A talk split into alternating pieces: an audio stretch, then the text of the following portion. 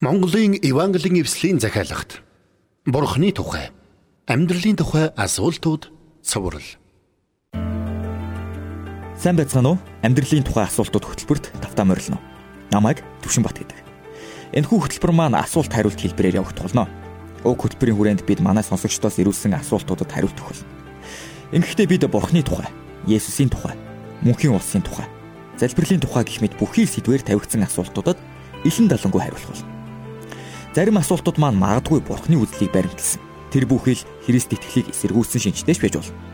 Алин ч байлаа гэсэн зочин бит хоёр уг хөтөлбөрийг хөтлөн явуулахдаа ямар ч итгэл үнэмшилт ялгаагүй хүндэтгэлтэй хандах болно гэдгийг онцлмоор. За ингээд та бүхэндээ зочноо танилцуулъя. Миний өнөөдрийн зочин доктор Дөлөөн ирсэн байна. Сайн байна уу? Сайн сайн байна уу? Тэгэхээр манай өнөөдрийн хөтөлбөрийн сэдэв бол бурхантай ярилцах гэсэн сэдэв байна. Өнөөдрийн асуултуудаар дамжуулан бид залбирал гэж юу болох, залбирал яагаад чухал болох талаар танд тодорхой ойлголтууд өгөх болно. Үнэхээр бидний итгэдэг бурхан бол бидний залбиралыг сонсдог бурхан. Тэр бидний залбиралыг үргэлж сонсох болно хэмээн амласан учраас бид түүнд хандан залбирдаг юм шүү. Ингээд хамтдаа бурханд хандан залбирцгаая. Тэнгэрлэг эцэг минь өнөөдрийн хөтөлбөрөөр дамжуулан залбирлын талаар олон чухал үннийг олж мэдэхэд минь туслаач. Есүсийн нэрээр залбирлаа. Амен. Амен. Ингээд хөтөлбөрөө эхлэе. Би асуултыг уншаад зочин маань хариултыг өгөх болно. Ингээд эхний асуулт. Залбирал гэж юу вэ? За залбирах гэдэг нь бурхантай ярих гэсэн үг. Та бид найз нөхөд гэр бүлийнхэнтэйгээ ярилцдаг шигэ бурхантай ярилцах боломжтой. Хэдийгээр та бурхныг нүдэрээ харах боломжгүйч тэр тантай хамт байдаг. Тэр танд хайртай болохоор тантай ярилцахыг хүсдэг. Хүн төрлөختөн анх бүтээгдсэн цагаас л бурханд хандаж залбирдаг байсныг бид Библиэс харж байна. Библиэд энэ талаар өгүүлэхдээ тэр цагаас эхлэн хүмүүс эзний нэрийг дуудах болжээ гэсэн байдаг. Бүхий л түүхийн туршид хүмүүс бурханд хандан залбирсаар ирсэн. Залбирал гэдэг бол нэг талаас бүх зүйлд бурхнаас хамааралтай гэдгийг хүлээн зөвшөөрч байна гэсэн үг юм. Залбирлаар дамжуулан бид бурхны ивэл өрөөлийн төлөө бурханд талархдаг. Бид өөрсдийн гимнүглийг Бурхны өмнө хүлээн зөвшөөрч Бурханд гуйлд хүсэлтэд илэрхийлдэг. Залбирахад ер нь тохиромжтой цаг хугацаа гэж бий юу? За залбирахад ер нь бүхэл цаг тохиромжтой. Гэхдээ би л хувьдаа бол өглөө босоод хамгийн түрүүнд Бурханд хандан залбирах нь хамгийн тохиромжтой гэж боддгийг. Жишээ нь би өглөөс ирээд өрчин сайхан амарсныхаа төлөө Бурханд талархдаг. Бас надад шинэ өдрийг өгсөний төлөө Бурханд талархдаг. За бас ирж буй өдрийн туршид надтай хамт байж намайг өдөртөн чиглүүлэхийн төлөө залбирдаг. Ийхүү өглөө эртлэн залбирх нь биднийг шин өдөрт зориулан бэлтгэдэг давуу талтай. Гэхдээ мэдээж бүтэн өдрийн туршид та хизээч бурханд хандан залбирах бүрэн боломжтой. Библиэд хэлэхдээ тасралтгүй залбир гэсэн байдаг. Иш үзүүлэгч Даниэл гэхэд өдөр бүр 3 удаа бурханд хандаж залбирдаг зуршилтай байсан. Гэхдээ шаардлагатай үед 3-аас ч олон удаа залбирдаг байсан гэдэгт би эргэлздэг. Тэгэхээр бид өдөрт заавал ядаж нэг удаа залбирх хэрэгтэй юм уу? За бид зөвхөн нэг гэлтгүй нэгээс ч олон удаа залбирч болно. Библиэд бидэнд тасралтгүй залбир гэж сануулсан байдаг. Тиймээс бид өдрийн туршид боломжоор аль болох олон удаа залбирдаг байвал сайн. Энэ нь бидэнд бурхантай илүү ойр байж түүний өдөрдмжийг илүү даган амьдрах давуу талыг өгдөг юм. Би хувьдаа өдөрт олон удаа товчхон залбирахыг илүүд үздэг. Өөрөөр хэлбэл өдрийн өөр өөр нөхцөл байдал донд бурханд хандан товч залбирна гэсэн үг. За жишээ нь та машинд байхдаа автобусанд явахдаа эсвэл хаа нэгтээ явж байхдаа дотроо бурхнаас хамгаалалт өдөрдмжийг гуйн залбирч болно. За эсвэл та үр хүүхдүүдэд сургуульд нь хүргэж өгөхдөө тэднийг хамгаалan сахихыг бурхнаас залбирэн гуйж болно. Хэрвээ та өндөр настай бие муутай хүнтэй таарах юм бол тэр хүнийг бурхан тэнхрүүлж өдөртөн чиглүүлэхийн төлөө залбирч болно. Эсвэл та оршуулгын цуваатай таарвал ой гашуу тохиолдсон гэр бүлийн дээр бурханы ивэл өрөөл байж бурхан тэднийг тайдгаруулан тайвшруулахын төлөө залбирч болох юм. Зарим хүмүүс хамтдаа нэгдээд залбирлын алхаа хийдэг. Энэ нь хамтдаа нэгдээд тодорхой нэг газар нутгийг тойрон алхаж алхах зураа тэр газар нутгийн төлөө залбирахыг хэлдэг. Магадгүй та зурагт радиогоор эсвэл сонин хэвлэлээр ямар нэгэн дайн тулааны тухай мэдээ дуулах юм бол амар тайван тогтоогдохын төлөө залбирч болно. За энэ мэдчлэн бүхэл өдрийн туршид бурханд хандан залбирах маш олон боломж бий гэдгийг та ойлгоорой. Тэгэхээр илүү тодорхой болгомоор байна л да. Товчхон залбирхан дээр юм уу? Эсвэл удаан залбирхан дээр юм уу? Миний бодлоор зарим тохиолдолд товчхон а зарим тохиолдолд удаан залбирсан нь дээр. Жишээ нь заримдаа Есүс бүтэн шүнийн туршид залбирдаг байсан. Гэхдээ товчхон ч вэ, удаан ч вэ ялгаагүй. Залбирал өөрөө маш өр нөлөөтэй гэдгийг та ойлгох хэрэгтэй. Христэд итгэгчид бид утга учиргүй урт удаан залбирлаар залбирах шаардлагагүй гэдгийг эзэн Есүс нэгэнтээ бидэнд сануулсан хэлсэн байдаг. Тэрээр энэ талаар хэлэхдээ залбирахдаа харийнхан шиг утгагүй хоосон үг бүгд авт. Олон үг хэлснийхэн төлөө өөрсдийг нь сонсон хэмээн тэд боддог юм гэсэн байдаг. Библиэлд товчхон залбирлуудын жишээ олон бий. Есүс нэгэн удаа нэгэн тосгонд явж байгаад уйман өвчтөе хүнтэй таарсан байдаг. За тухайн үеийн хуулиар уйман өвчтөе хүмүүс эрүүл хүмүүст ойртох ёсгүй байсан. Тиймээс тэд холоос Есүс эзэнтэй биднийг өршөөгөөч гэж хашгирсан. Харин Есүс тэдний энэ гуйлтыг сонсож тэднийг эдгэсэн. Өөр нэг удаа хоёр сохор хүн Есүс дээр ирээд Давидын ээ биднийгээ өршөөгөөч хэмээн хашгиран гуйсан байна. Есүс тэдний ч мөн гуйлтыг сонсож тэднийг хараатай болгож өгсөн юм. Өөр нэгэн удаа эзэн Есүс сүм дээрээд залбирч байгаа хоёр хүний тухай нэгэн түүхийг өгүүлсэн байдаг. Тэр хоёр хүний нэг нь фарисей хүн байсан. Фарисейчуд гэдэг нь тухайн үедээ маш шашинлагт тооцогддог хүмүүс байсан. Тэр хүн бурхны өмнө залбирахдаа өөрөөрөө ихэд сайргсан байна. Харин нөгөө талд нэгэн татвар хураагч зогсоод залбирсан байна. Тухайн үеийн татвар хураагч нар Ромын засаг захиргаанд үйлчилдэг байсан учраас тэднийг эх орноосоо урвсан нүгэлтнүүд гэж үздэг байсан. Гэтэл тэр татвар хураагч зайдуу зогсоод тэнгэр өөд харж зөрхлөлгүй харин цээжээ дэлсэн байж бурхан минь нүгэлт намайг өршөөгөөч гэж залбирсан байдаг. Харин бурхан фарисей хүний залбирлыг биш татвар хураагчийн залбирлыг сонссон юм. Үнэхээр бурхан минь нүгэлт намайг өршөөгөөч гэсэн энэ товчхон залбирлаар бид хизээч бурханы өмнө гимшин ирж болно. Сонсогчийн асуулт ирсэн байна. За. Хүмүүс залбирлынхаа төгсгөлд яагаад амен гэж хэлдэг юм бэ гэж асуусан. За, амен гэдэг нь биелэх болтугай гэсэн утгатай үг юм. Өөрөөр хэлбэл залбирсны минь дагуу биелэх болтугай л гэсэн утгатай юм. Энэ нь залбирлаа төгсгөх сайн арга боловч залбирлаа заавал ингэж төгсгөх гэсэн үг биш ээ. За дахин нэгэн сонсогчийн асуулт байна. Та бүхэн нэвтрүүлгийнхээ ихэн залбирахдаа Есүсийн нэрээр залбирлаа гэж хэлж байсан. Нь юу гэсэн үг юм бэ? Есүсийн нэрээр залбирна гэдэг нь ямар утгатай юм бэ гэж.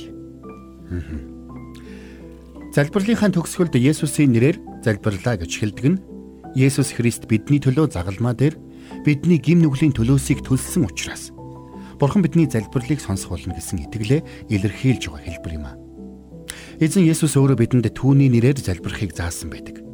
Тэрээр энэ тухай хэлэхдээ та нар нэрээр минь юу ч гуйсан эцэг хүүгээр алдаршуулгадахын тулд би түүнийг үйлдэнэ. Та нар нэрээр минь гуйвал би түүнийг чинь үйлдэнэ гэсэн байдаг. Есүсийн нэрээр залбирлаа гэсэн үг нь мэдээж ямар нэгэн шидэт тарин биш бидний хүслийг бурханд тулгаж бурхнаар хүссэн бүхнээ хийлгэх нууц код биш. Харин энэ бол бид Есүсийн эрх мэдэл түүний дэмжлэгтэйгээр залбирч байна гэдгээ тунхаглаж буй бидний итгэлийн тунхаг юм. Мэдээж залбирлынхаа төгсгөлд заавал ингэж хэлэх ёстой гэсэн үг биш ээ. Гэхдээ би хувьдаа багасаа ингэж залбираад сурчсан учраас бас залбирлаа ингэж төгсөх нь зөв гэдэгт итгэдэг учраас ингэж залбирдаг юм. Бурхан зөвхөн Есүст итгэж Есүсийг дагдаг хүний залбирлыг сонсдог. Бурхан бүх хүний залбирлыг сонсдог. Библиэд та залбирлыг сонсдог. Танд бүх мах бод очдог гэсэн байдаг. Биднийг залбирх үед биднийг сонсож хариулдаг гэдэг нь үнэхээр гайхамшигтай ивэл өрөөл юм. Бурхан нэгэн цагт үр зулцах нь бурханд хашгиран олзмахгүй тэнүүчилж байхад хүрээнд хүнс хоолыг нь хэн залгуулж өгдөг вэ хэмээн асууж байсан. Үнэхээр бурхан бүх хүмүүсийн залбирлыг сонсоод зогсохгүй. Ан амьтдыг хүртэл өрөвдөн өршөөж тэдэнд хэрэгцээтэй хоол хүнсийг залгуулж өгдөг байна. Тэгвэл тэр тусмаа бидний гуйлд залбиралд хариулт өгөхгүй гэж юу? Тиймээс бурхан таны залбирлыг сонсохгүй байгаа мэт санагдах үед та хоол ирэн нисж байгаа хэрээг дотроо төсөөлөн бодоорой. Бурхан ол цайн тэнүүчилж буй хүрээнд хүртэл хэрэгцээтэй хүнс хоолыг өгдөг атла хүрээнээс хавьгүй үн цэнтэй таныг үл тооно гэж юу?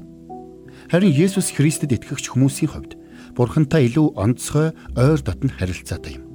Учир нь Есүс Христэд итгэх итгэлээр бид Бурхны гэр бүлийн гишүүд болсон. Бид бас Есүс Христэд итгэсэн учраас түүний нэрээр залбирах боломжтой болсон юм аа. Яг одоо биднийг сонсож байгаа сонсогч маань Есүсийн дагалдагч болмоор байж магадгүй юм л да. Та тэдгэр хүмүүст тусалж чадах уу? За би дуртай яа туслая. Есүс Христийн дагалдагч болохын тулд гим нүглээсээ эргэж Есүст итгэх хэрэгтэй болно. Гим нүглээсээ эргэнэ гэдэг нь гим нүглээ гимшин гэсэн үг.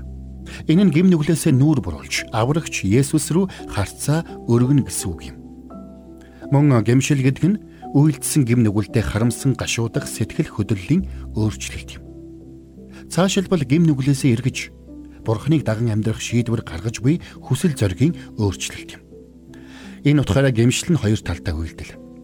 Нэг талаас та гим нүглээсээ эргэж а нөгөө талаас та Есүс Христэд итгэлээ өгнө гэсэн үг.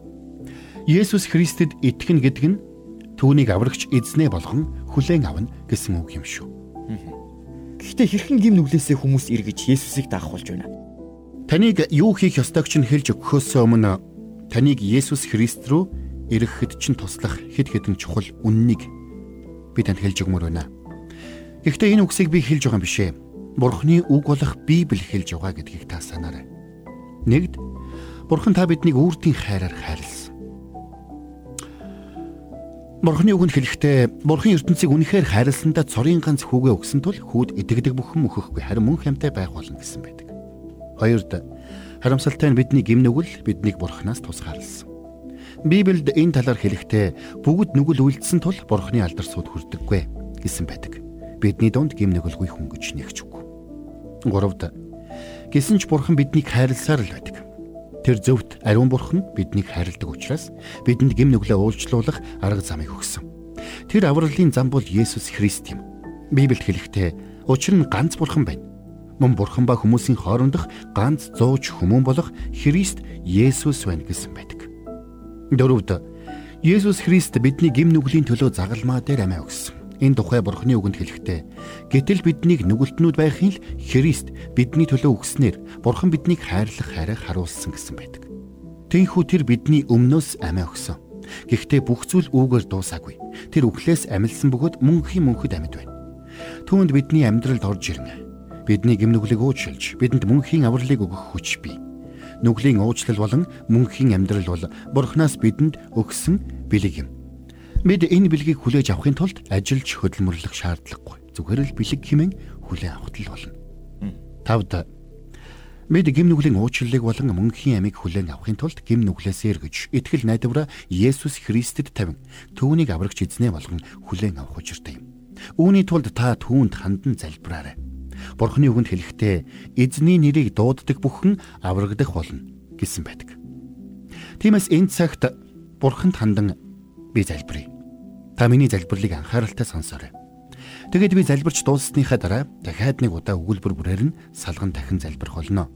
Та надтай хамт залбираарай. Бурхан минь ээ. Би гим нүглээсээ эргэж байна. Би Есүс Христэд итгэж түүнийг аврагч эзнээ болгон хүлээн авч байна. Энэ өдрөөс эхлэн би Есүсийг даган амьдрах болно. Баярлалаа. Эзэн Есүс ээ. Намайг хайрлаж миний амьдралд ирсэн танд талархъя. Амен. Одоо хамтдаа залбирцгаая. Би нэг өгүүлбэр хэлээд түр саадах болно. Тэр үед та намайг давтаж хэлээрэй. Ингэж залбирахдаа та Бурханд хандаж чангаар чин сэтгэлээсээ залбираарай. Бурхан минь ээ. Би гим нүглээсээ эргэж байна. Би Есүс Христэд итгэж түүнийг аврагч эзнээ болгон хүлээн авч байна. Энэ өдрөөс эхлээд би Есүсийг л даган амьдрах болно. Баярлалаа. Эзэн Есүс ээ. Намайг хайрлаж миний амьдралд ирсэн танд талархъя. Амен. Энэ онцгой залбирлыг хамт хийсэн танд баярлалаа. Бурхны гэр бүлд тавтаа морилно. Тавтаа морилно гэж хэлээ. Есүст итгэж болсон хүмүүс цаашид хэрхэн амьдрах ёстой вэ? Маш чухал асуултыг асуусан танд баярлалаа. Бид Есүс Христийг аврагчаа болгон хүлээн авна гэдг нь түүнийг даган амьдрах шийдвэр гаргаж байна гэсэн үг. Бид түүнд итгэсэн мөчид гим нүглийн уучлалыг болоод мөн хэмиг бурхнаас хүлээн авдаг. Түүгээр зогсохгүй ариун сүнс бидний дотор нутгалж бидний өдөр тутмын амьдралд бидэнд тусалж эхэлдэг. Учир нь бурхан биднийг Есүс Христэд итгэх итгэл дотор ямагт өсөж байгаасаа гэж хүсдэг. Христэд итгэгч бидний хувьд итгэлээр өсөх нэгэн чухал арга зам бол залбирал юм бид залбирлаар дамжуулж Бурхантай өдөр бүр ярилцаж ивэл өрөөлүүдийн төлөө түүнд талархдаг байх учиртай. Бас бид буруу зүйл хийх үед Бурхны өмнө гимшин залбирдаг байх хэрэгтэй. Түүгээр зогсохгүй бид найз нөхөд гэр бүлийнхнээ Христийн дагалдагчд болохын төлөө залбирэн гуйдаг байх учиртай. Цаашилбал бид өдөр тутмын амьдралдаа мэрэгэн өдөрдөмж чиглүүлгийг авахын тулд Бурханаас асуун залбирдаг байх хэрэгтэй юм.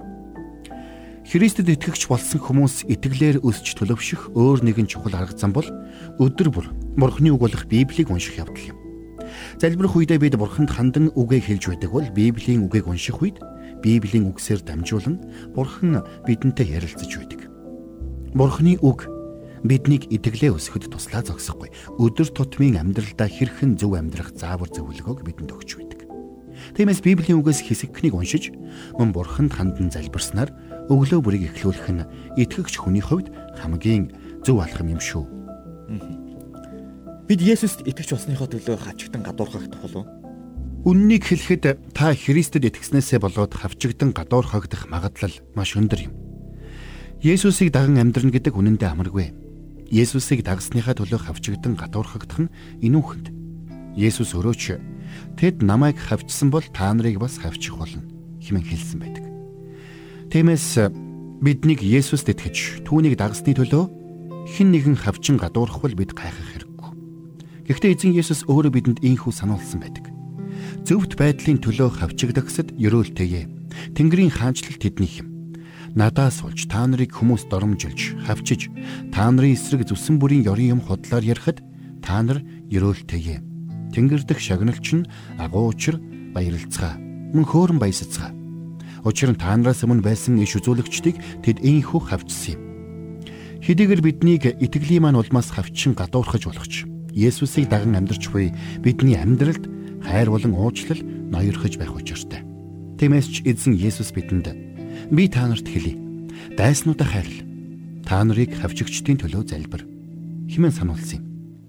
Есүс өөрөө загалмаа дээр амьсгал хурааж багтаж Аава тэднийг уучлаач. Учир нь тэд юу хийж байгаагаа мэдэхгүй байна хэмээн залбирч байсан. Гэхдээ бид нэг зүйлийг санах хэрэгтэй. Бид хавчлаг зовлонтой ганцаараа нүүр тулдаггүй. Бидний амьдралд тохиолдож буй хавчлаг дарамт нэг бүрийг бурхан мэддэг. Түүгээр зогсохгүй. Тэр үргэлж бидэнтэй хамт байж бидэнд тусалж байдаг. Тиймээс ч бурхан бидэнд би чамайг хизээж орхихгүй. Мөн чамайг хаяхгүй гэж амласан. Бидний амьдралд буй түүний амьд оршихуйн улмаас бид итгэлтэйгээр Эзэн миний туслагч. Би айхгүй. Хэн надад юу хийж чадах вэ хэмээн тунхаглаж чадна. Тиймээс Есүсийг даган амьдрах итгэлийн амьдралын чинь өдөр хоног нэг бүрийг Бурхан ивэж өрөх болдог бай. Маш баярлалаа. Баярлалаа. Өнөөдрийн хөтөлбөр маань энэ хүрээд өндөрлөж байна. Биднийг хүлээн аван сонссон сонсогч танд маш баярлалаа. Та бүхэн манай амьдралын тухай асуултууд хөтөлбөрийн дараа дараагийн дугааруудыг таалан сонсоорой.